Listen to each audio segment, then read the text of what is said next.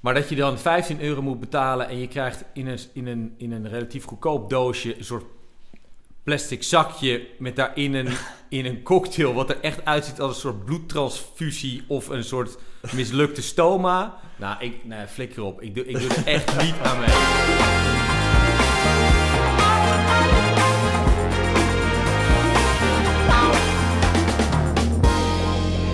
Alright, nou welkom bij Isaac's Drankkast. De eerste. Yay! Hoi, hoi. Aan de rechterkant eh, van mij zit eh, de man, de bedenker, de eigenaar van Collins Bar Systems. De cocktail station voor bartenders door bartenders. En daarnaast is hij nog steeds de best presterende Nederlandse bartender op de World Class competitie. Columnschrijver geweest voor onder andere Ellen Eten. Ook nog eens jurylid bij de World Class competitie in maart. En naast een passie voor eten en drinken gaat hij goed op diclofenac. Ja. Maar daar straks meer over. En aan de andere kant heb ik... eh, Fjalla Goud overigens. ja, Fjalla Goud. Oh ja, ja, vergeet ik allemaal je naam. Ja, het is niet dat jij diclofenac heet. Aan de andere kant heb ik de man die ook wel de legend wordt genoemd, Misha Forstemans. eh, van wie wordt gezegd dat hij eh, de cocktail scene in Nederland aan heeft gezet. Hij heeft diverse prijzen gewonnen. Hij heeft heel de wereld overgereisd. Columnist geweest voor Entree Magazine. Eigenaar en bedanker, eh, bedenker voor Isaac Academy. En de man die ooit de favoriete cocktail maakte van Britney Spears. Ja, nou, maar Ja. Dat was toen nog echt het ding. ja, eh, eh, Die toen- dat Toen wel, inderdaad. Toen wel. En eh, ja, de man die deze twee mannen eh, aankondigt achter de schuiven... is de man die groot is geworden in het bier. Ook wat dikker. Meerdere ervaring heeft als start-up manager bij horecazaken en hotels. Nog steeds een wedstrijd moet winnen, maar dit jaar het gevoel heeft dat dat gaat lukken. En die al 50 dagen niet drinkt in 2021. Olaf Kluivers. Yay! Hey, maar de intro, man. Oh, love. Heb je die, eh, Heel humble. Klein die uit beetje je hoofd gedaan? Uit mijn hoofd doe ik dit. Ja, dat doe ik sowieso. Daar heb ik de hele week eh, eh, over gedroomd. Maar mannen, een klein, eh, toch als een soort teasertje voor wat we allemaal gaan bespreken. De naam Britney Spears viel al, maar als ik tegen jou zeg, uh, Fjaller, Ivonie of Britney Spears. Altijd Britney. Altijd Britney? Jij, Misha? Eh, ja, ja, ja nee, eh, Britney dan maar, ja. Britney, oké. Nou, komen we zo dus op terug. Cognac, Armagnac? Armagnac. Armagnac? Eh, ja, ik ook, Armagnac. Armagnac? Ja, Ja. ik, ik, ik laat me zo verrassen. Eh Fjaller, deze is voor jou. Een goede rug, maar zwerver. Of een slechte rug, maar heel rijk. Zwerver. Zwerver. Oké, oké. Want om maar gelijk eh, met de deur in huis te vallen. Ja, nou, de, de, de- was het maar dat ik viel of zoiets. dat, maakt het, eh, dat maakt het verhaal nog wat spannender. Ja, ik ben, eh, ik ben voor de zoveelste keer weer eens door eh, mijn rug gegaan eh, op eh, Valentijnsdag. Oh. Dus, wat zou er toen gebeurd zijn? Ja. Nou, dat, dat viel eh, mee. Ehm, maar ehm, eh, dit is de eerste dag dat ik weer een beetje kan lopen. Eh, wel onder invloed van eh, een hoop diclofenac en eh, andere pijnstillers. En nu ook overigens een, een, een lekker cocktailtje in mijn hand, dus dat scheelt. Dat scheelt. ja. Maar mijn rug, ja, drama. Want jij sneed tijdens de lunch wel iets interessants aan. Namelijk dat er voor koks van alles op papier staat de- qua ergonomie. Ja, Maar qua bartenders Nou ja, dat- dat- ver dat- te zoeken. Dat, dat is eigenlijk een van de dingen waar ik, waar ik eh, heel gepassioneerd over ben. En al een, een tijd lang a- voor aan het strijden ben. En sterker nog, eh, die, die strijd heb ik, eh, die voer ik bijna dagelijks. Maar zeker eh, één keer in de week met van allerlei interieurbouwers. eh, en, en, en mensen die eh, barren maken terwijl ze daar eh, niet de expert in zijn. En, eh, en wat je gewoon ziet is dat er zoveel barren in Nederland eh, totaal verkeerd in elkaar worden gezet. Waardoor je als bartender altijd pijn in je rug hebt. En eh, ik denk dat heel veel bartenders dat ook wel kunnen beamen. Dat ze achter een bar hebben gewerkt waarbij je pijn in je rug hebt. En dat is niet alleen maar de bar zelf. Want dan, dan, dan alle plekken waar je kratjes vandaan moet halen en zo. Je kan niet tillen en het is allemaal lage plafonds en al dat soort dingen. Maar eh, daar kan je dan weinig aan doen. Maar de bar zelf, daar kan je prima wat, eh, wat aan doen. En het, ik vind het heel gek dat daar geen regelgeving over is. En dat alle bartenders tegenwoordig eh, van mijn leeftijd bijna allemaal pijn in hun rug hebben. Ja, want, want als je kijkt naar hoe je achter een bar staat, Misha zou je ook wel vaak gezien hebben.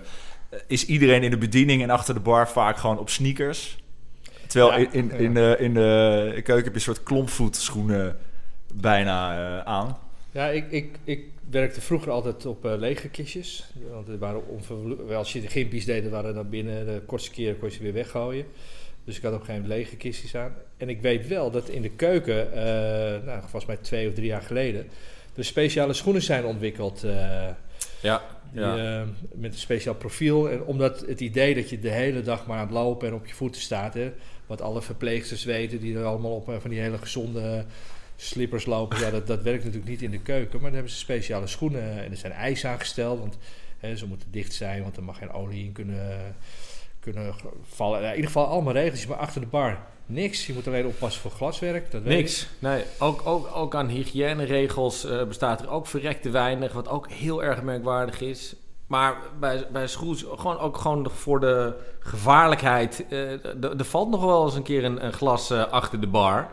En ehm, eh, ja, dat is gewoon gevaarlijk. Dus ik vind het heel merkwaardig dat daar geen regels eigenlijk voor zijn. Maar goed, dat, de, de meest belangrijke eh, ding waar ik me graag voor inzet... is in ieder geval een ergonomische werkplek als het gaat voor je rug. En ehm, ehm, als je ergonomie zeg maar, op de juiste manier toepast... dan zal je ook zien dat je eh, ook veel sneller kan gaan werken. Je behoudt natuurlijk veel meer energie achter een bar... Dus je bent eh, veel sneller, eh, eh, minder snel ben je moe. Ehm, nou ja, dat is allemaal draagt bij tot het serviceniveau, laat ik het zo zeggen. En de snelheid, want uiteindelijk kan je daardoor ook gewoon meer drankjes maken per uur. Nou, daar, daar doen we het eigenlijk natuurlijk wel allemaal voor. Ja. Meer drankjes per uur vind ik, vind ik sowieso goed klinken. Ja, ja, dat, dat- ja en daar, daar had de, de, de volgende dame had daar ook wel veel last van, van, van veel drankjes per uur. Want Oh, is dit een bruggetje als ik zeg, Britney? als ik zeg Ivonie of Britney Spears, ja, ik, ik- het was een leuk vergelijk, maar jij vertelde net even tussen neus en lippen door Tijdens de Eh, lunch bedoel je? Oh, ja. ja, ja. dat jij eh, Britney haar favoriete drankje heel vaak hebt geserveerd op de avond. Nou ja, ik, eh, een van de eerste opdrachten die wij deden eh, met de Shaker Boys, consultieopdrachten, dat was toen eh, Jimmy Woo openging. En wij werden ingehuurd om uh, nou, de kaart te verzinnen, personeel te trainen en wat dan ook. Jimmy Woo was toen echt, nou, nog steeds, maar dat was toen echt de hype, joh. Echt rijen voor de deur en elke filmster die kwam er ook. En op een gegeven moment stonden we in de Jimmy Woo te werken en, en toen kwam Britney Spears binnen, die had net een concert gehad, of die had- moest nog een concert doen. Ehm, en die viel echt van de bovenste treden zo de trap af. En eh, die, want die kwam regelrecht uit de, de, eh, de bulldog lopen. Ja. Eh, en die had boven al drie amaretto sauertjes naar binnen geketst. En die moest toen nog naar beneden. Dat ging niet helemaal goed. Maar dit was nog voor een optreden. Eh, dat denk ik, ja, ik weet het niet. Maar eh, dat was wel in de tijd dat ze al aardig eh, van het padje af, af was. Ja, en ja. is gebleven, volgens mij. Nou, wa- waarom ik Britney Spears... ik- ik- Eigenlijk kwam het om Ivonie, want we, hadden- we hebben het hier wel eens tijdens vrijdagmiddagbols aan befaamde mensen die we ooit aan de bar hebben gehad of die we absoluut niet aan de bar willen hebben. En ik heb volgens mij ooit een keer hier geroepen dat ik Ivonie absoluut... Dat lijkt me verschrikkelijk om hem aan de bar te hebben. Maar goed, als je deze week Ivonie roept, dan roep je automatisch ook Britney Spears. Heb je het gezien? Nee, Eh, ik heb de- het niet gezien. Nee, ja, ik, ik voel me heel vrouwelijk in één keer, maar er, was een do- er is een documentaire over Britney Spears en eh, daar krijg je toch een soort meeleven met haar. En daar zit een scène in waarin Ivonie in één keer eh, over haar borsten begint. Wat onwijs vreemd is, maar ik zal het je aanraden om te kijken. Maar eh, terug naar Ivonie, wie was de verschrikkelijkste die jij ooit aan de bar hebt gehad? De verschrikkelijkste gast die ik ooit aan de bar heb Ja. gehad? Oh man. nee, niet- dat- dat- of dat- gewoon, dat- ja, dat- dat- dat zou overval je er een beetje Ja, mee. ja, ja, ja. Nou, terwijl Fjallar denkt ehm, over Ivonie, dat vond ik, eh, dat was wel mooi. We hadden, dat twee of drie jaar geleden was het hoeveeljarig bestaan van eh Nolet? 325. 300 Ja, en die, daar was een heel diner en, ehm, en daar hadden ze een host, eh, dat werd helemaal gehyped. Nou ja, dat was wel grappig, want ik, ik zat daar lekker aan mijn tafeltje en eh, toen kwam de broer van, van Bob Nolet, die ging volgens mij de, de host aankondigen. En die zei toen Ivonie, dus ik, ik moest heel hard lachen. Ik dacht dat hij een grap maakte. maar, maar, maar dat kwam niet van stal. dat meen je niet. Ja, dus, de dat alles, was hij. Ja, ja, kan- ja, ja. En spreekt ze talen. Al zijn talen, al zijn ja. talen, al zijn Dat was een mooi, was een mooi moment, ja. Maar wie zou, je, wie zou je bijvoorbeeld wel aan je bar eh, willen hebben? Of nog een keer? Ehm, nou, er, er, zijn, er zijn heel veel mensen die ik graag eh, aan mijn bar zou, eh, zou willen hebben. Ik heb een paar keer... eh, nou, ik heb één, één... Dat was wel een leuk moment. In zoverre niet dat ik daar een, een, een heel erg diepzinnig gesprek mee heb gevoerd. Sterker nog, bij- bijna ge- geen woord mee gewisseld. Maar ehm, ik had... Brad Pitt had ik aan de bar. En daar komt ook mijn... eh, voor Intimi mijn bijnaam eh, voorbij. Oh, ja. eh, Oli- Olijfje. Ken je, ken je dit verhaal eigenlijk? Weet ik niet. We waren op een of ander trek schip. En in ieder geval, heel Hollywood was daar ongeveer aan boord. En, en Brad Pitt die komt aan de bar. En ik was al een beetje zenuwachtig. En hij staat voor me. En ik was een beetje starstruck, was ik een beetje. En ehm, wat we in ieder geval hadden geleerd... eh het was gewoon een regel dat nee verkopen, dat bestond niet. Dus eh, al- alles was ja of... eh, nou ja, goed, je moet, maak er maar een oplossing van. En hij vroeg wel een Kettle One on the rocks. Dus dat was, dat was al sowieso 1-0 voor, voor Brad, vond ik. Ehm, ja, dat is niet echt een moeilijk drankje om dat in te schenken. En toen halverwege dat ik dat aan inschenken was, zei hij... eh, mag ik een olijfje? Ja, in het Engels dan natuurlijk. Hè. Maar, maar eh, eh, mag ik een olijfje erbij? Dus, dus nou ja, ik, ik, tu- tuurlijk, tuurlijk Brad. dus ik zoek als een dolle en ik kon echt nergens vinden. En ik werd helemaal, ik zag, ik voelde helemaal mijn, bloed pompen, zeg maar. Uiteindelijk had ik een, een potje gevonden ergens onder de bar. En toen deed ik nog wel met, netjes met een tangetje, deed ik het olijfje zo in het glas. Ehm, en hij pakte zo het glas op. Hij, hij ongeveer op zijn gezicht hoogte keek naar het eh, gezonken olijfje en zei zo... Thanks. Want het idee natuurlijk is dat het wel op een prikkertje hoort te zijn. Want, nou goed. Dus dat was mijn, eh mijn eh 10 seconds of fame met, met Brad. Met- met ja, Brad. Ja. Ja, Dus eigenlijk kennen wij Brett ook nog. Het is gewoon ja, één ja. iemand away. Dus, eh, Ja. Hey. Dus het drankje van Brad heb ik eh, verneukt. Wist je dat Angelina wel eens bij Brett... eh, Oké.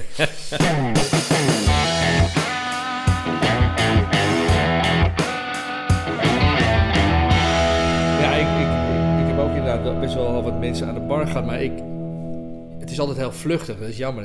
Maar ik denk als je een hele avond met iemand aan de bar, dat je ook echt wat gesprekken kan doen. En eh mij lijkt het wel leuk om, eh, weet ik veel, zo'n eh, zo'n Jack Nicholson of zo aan de bar te hebben. Volgens mij heb je dan wel een, eh, een toptijd.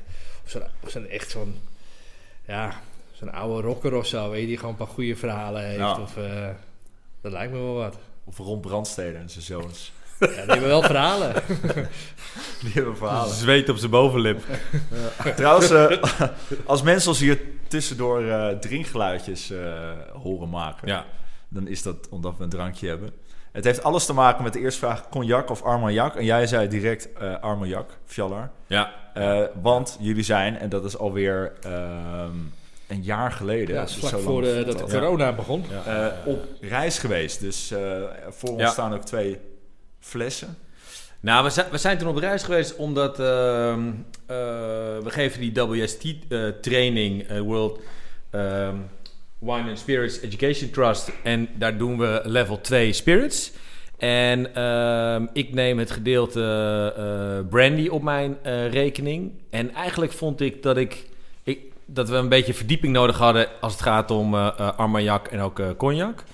Ehm, maar zeker Armagnac. Dus we hebben toen contact gelegd met de, de persoon in, in die regio die daar alles van af weet.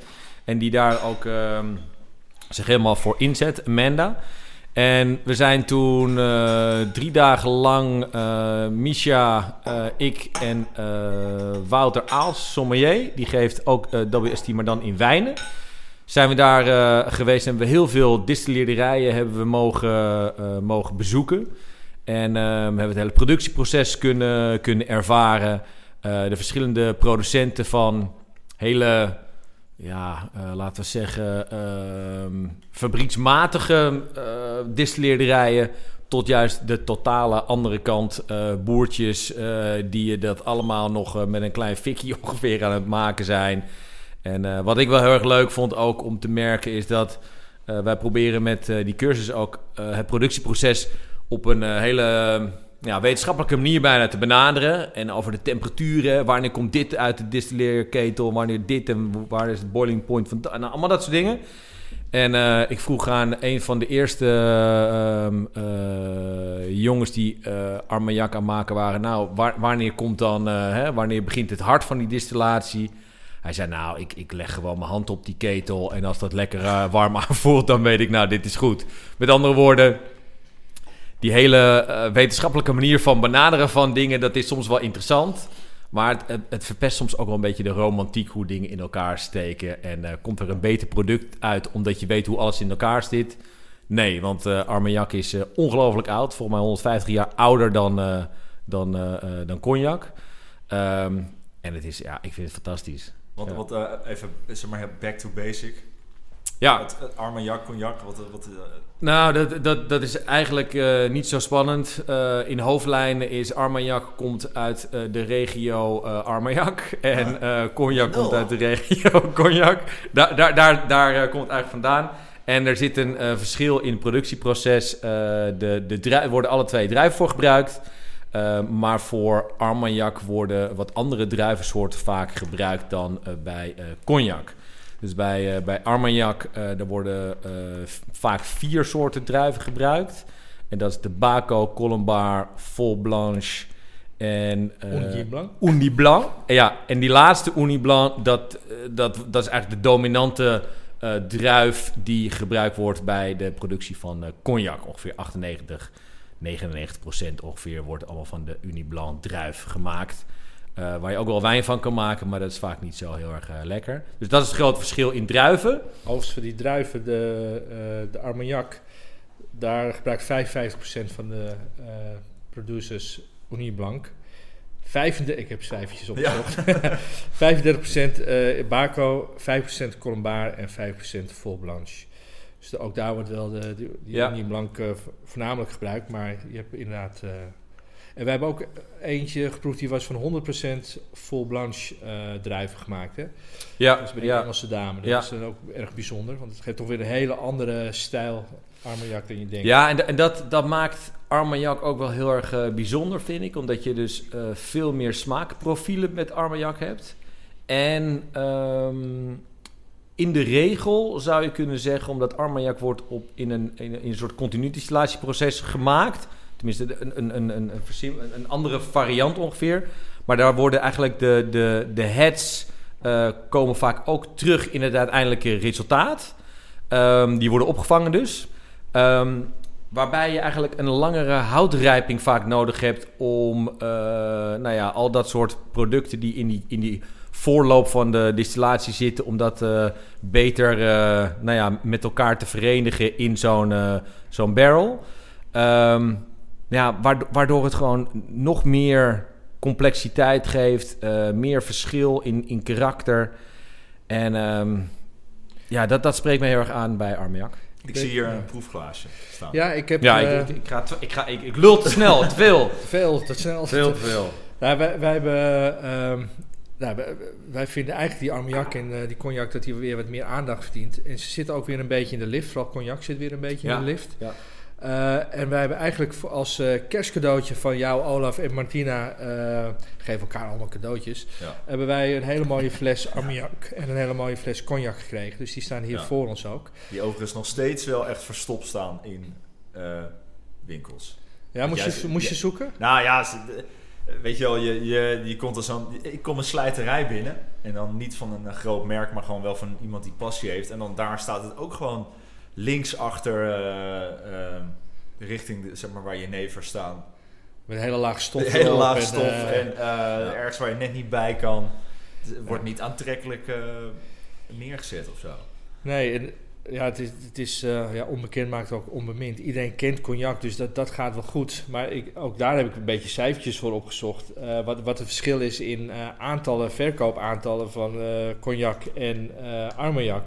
Dat is echt, ja, het staat echt in de schaduw. Eh, want ze hebben, eh, en moet ik het goed zeggen, volgens mij 43 miljoen flessen Armagnac en 206 miljoen flessen cognac.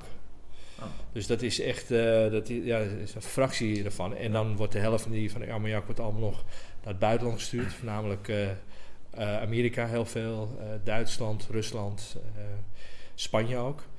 Um, dus ja, het is echt het hele kleine broertje. Overigens, Salvatore Calabrese, beroemde Italiaans-Engelse bartender, El Maestro die uh, helemaal uh, gespecialiseerd is op cognac. Uh, die heeft het verschil zo aangeduid. Hij zegt, cognac is als satijn, heel gladjes. En, en um, de armiak is meer fluweel, dus het is meer welderig en plush. En dat vind ik eigenlijk wel een mooie omschrijving. Dus, en dit is welke? Dit is de cognac. We beginnen ah. eigenlijk bij de, ja, de, de wat makkelijker te drinken spirit. En nou is drinken en proeven op de podcast is natuurlijk lastig, ja, maar... Dan wij slurpgeluiden maken. ja.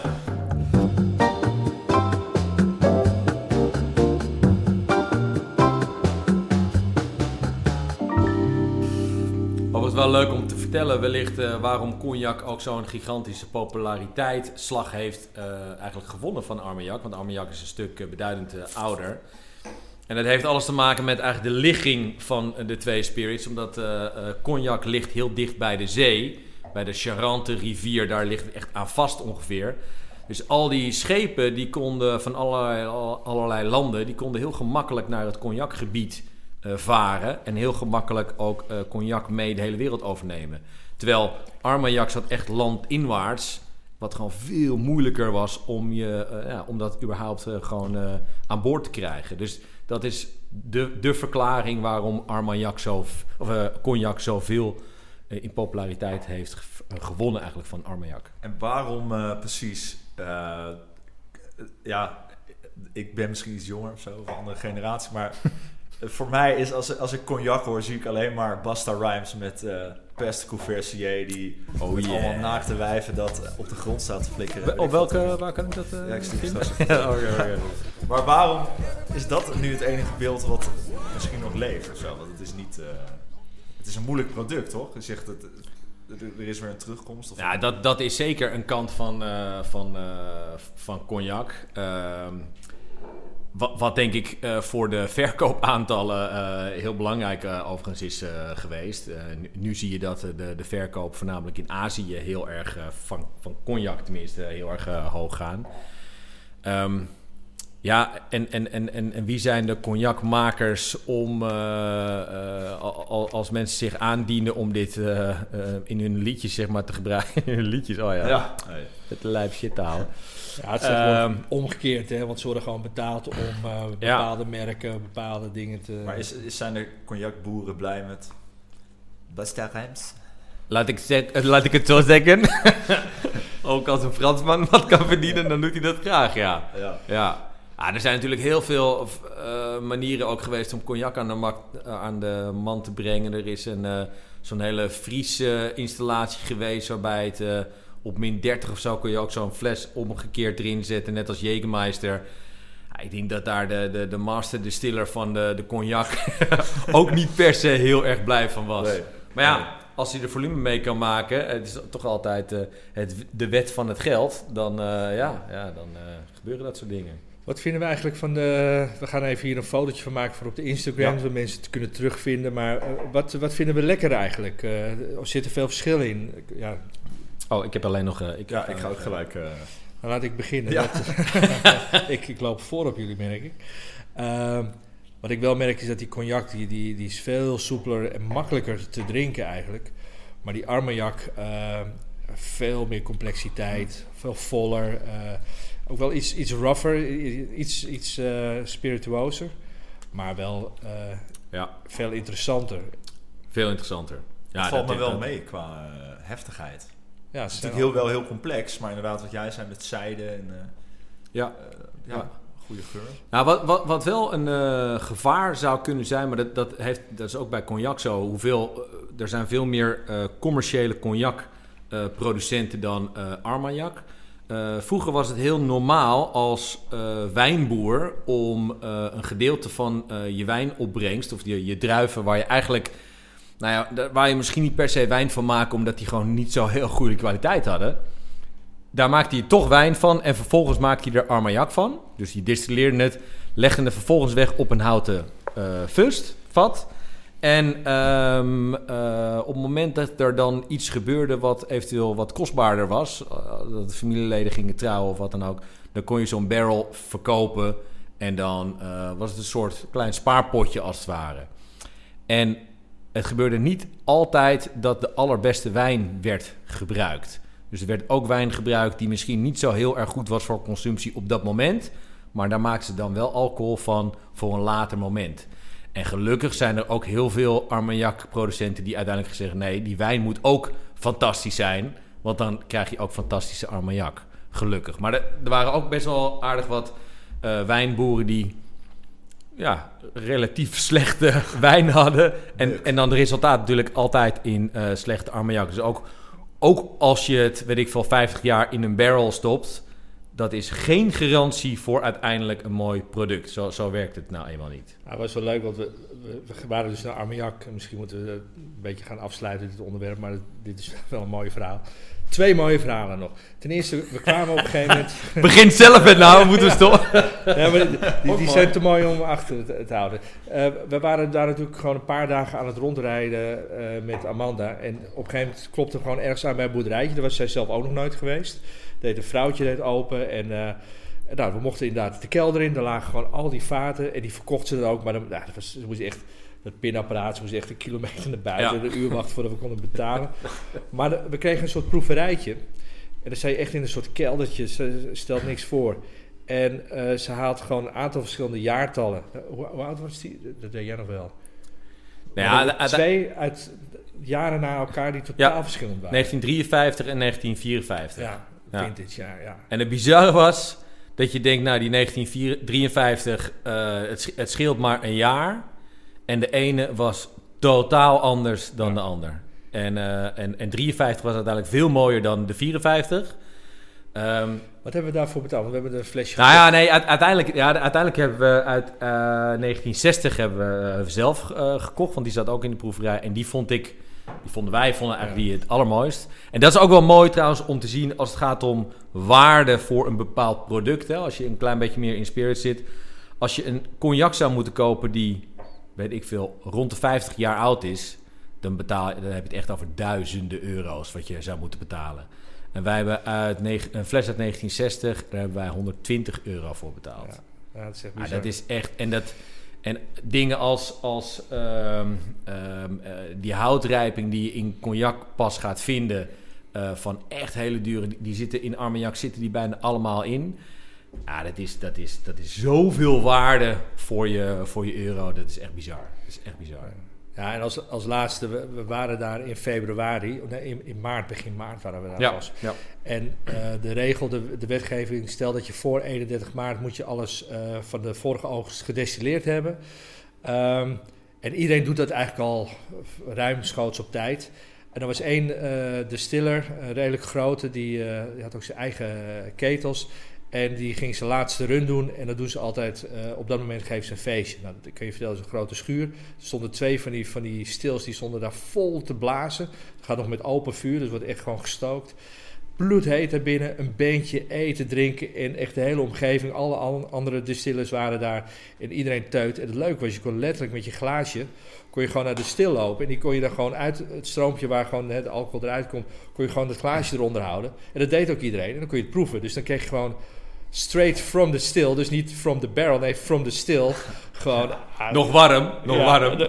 En dan als je denkt dat dit uh, een beetje heftig is, dan, uh, dan, ga je vervliegen. Ja, ja, ja. Dus uh, ja, echt een aanrader voor iedereen om Armagnac wat meer liefde te geven. Overigens heb ik er een cocktailtje net meegemaakt. Ja, dat wilde ik vragen, want er staat hier een schaal. Ja. Met cocktails. Ja, we hebben allemaal lekkere drankjes, maar die, ik heb een, een soort variatie op een sesrack gemaakt met... Uh, maar dan met de, de Armagnac uh, rye, wat ook een beetje wat meer pit heeft. En in plaats van de absint heb ik wat chartreuse gebruikt. En uh, nou ja... Ja, laten we het proeven. Ja, ik, ik heb al een beetje geproefd. Ja, sterker nog, ik heb nog verrekt weinig over, kan ik je vertellen. ja.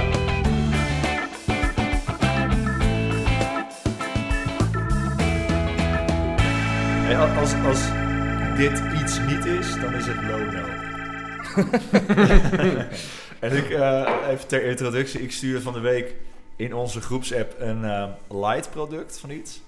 Ja. En toen waren jullie reacties niet mals. Nee.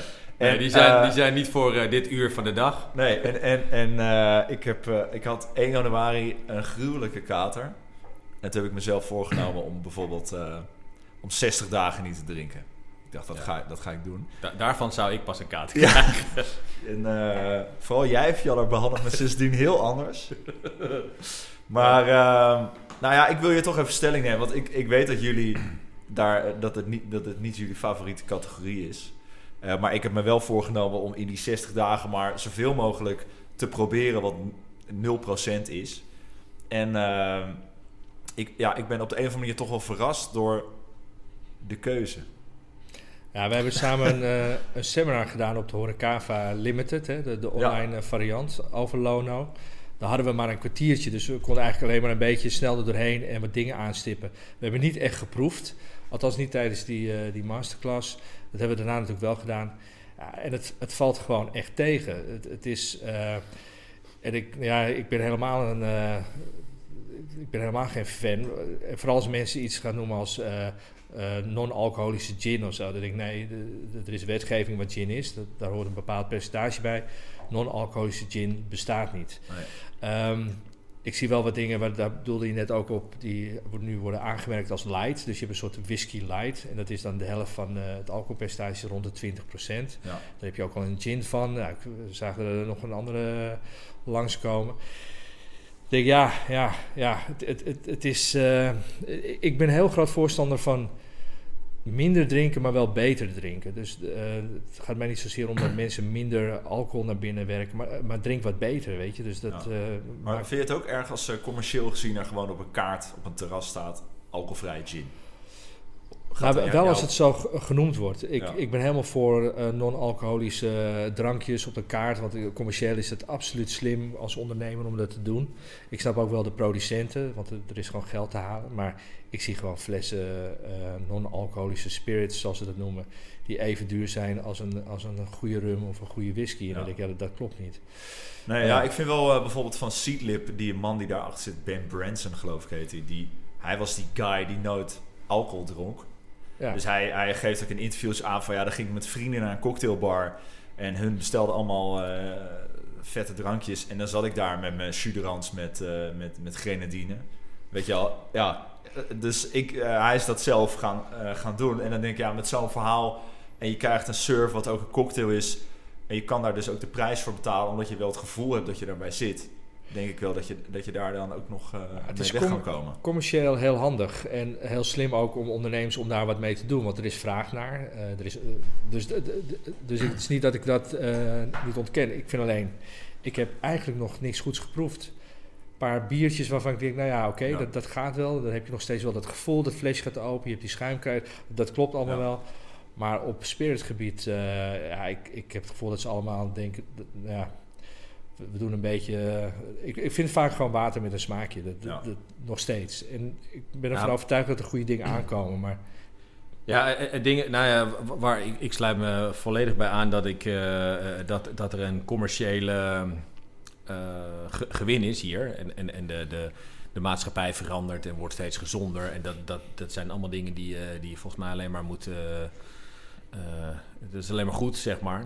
Um, maar wat alcohol kan, dat het echt een soort uh, reis zeg maar, geeft van allerlei complexiteit en, en, en, en, en lengtes en uh, wat je allemaal kan proeven, bepaalde prikkelingen, uh, al dat soort dingen.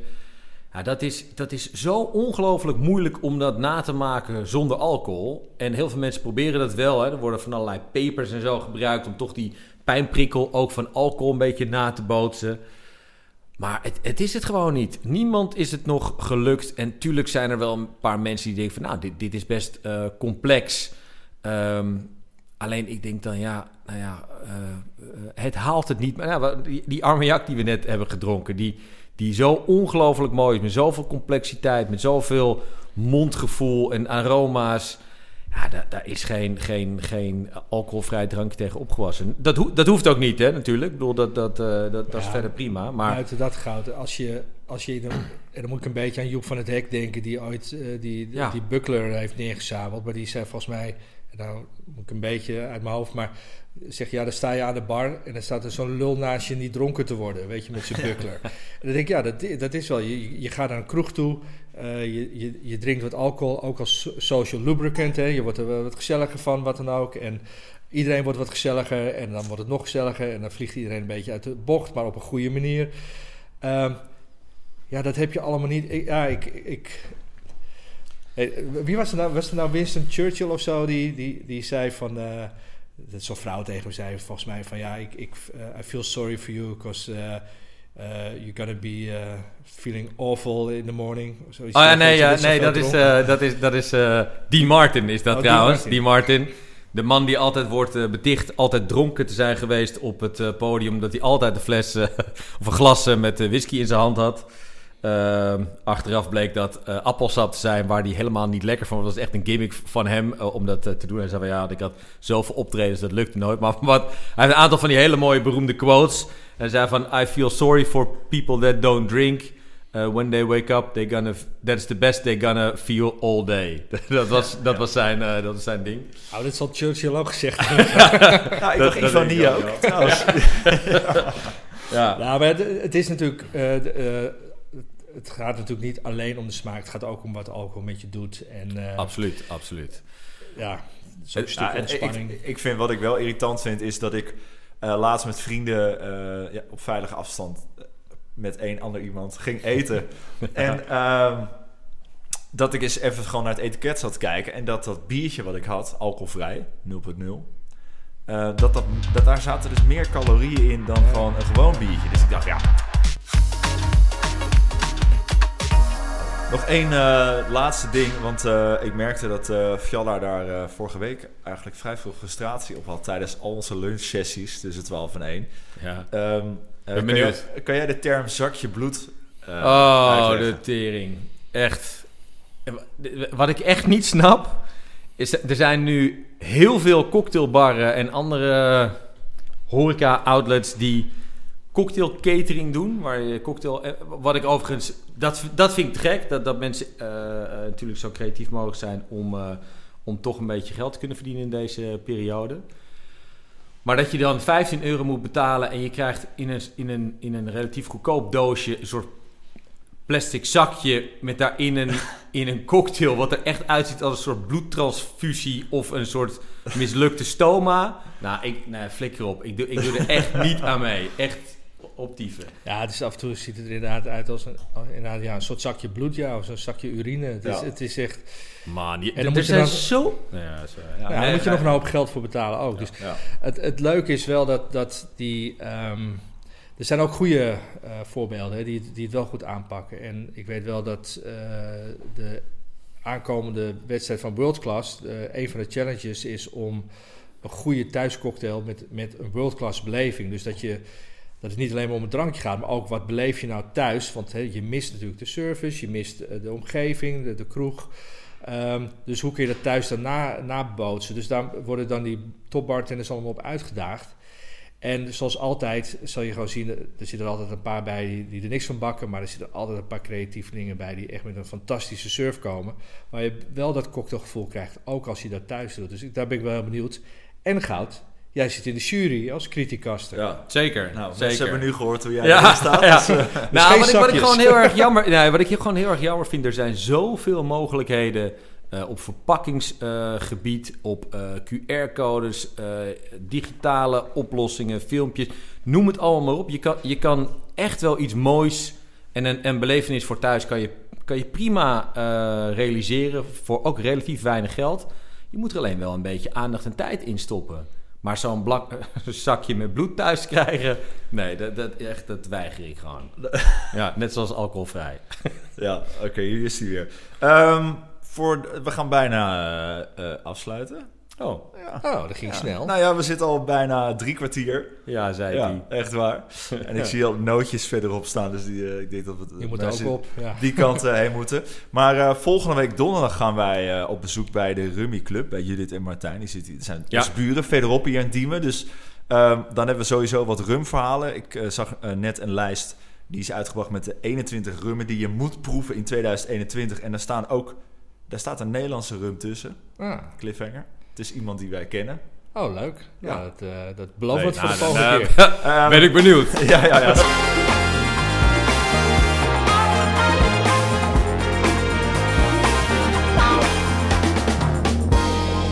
Fjalla, als jij nog één...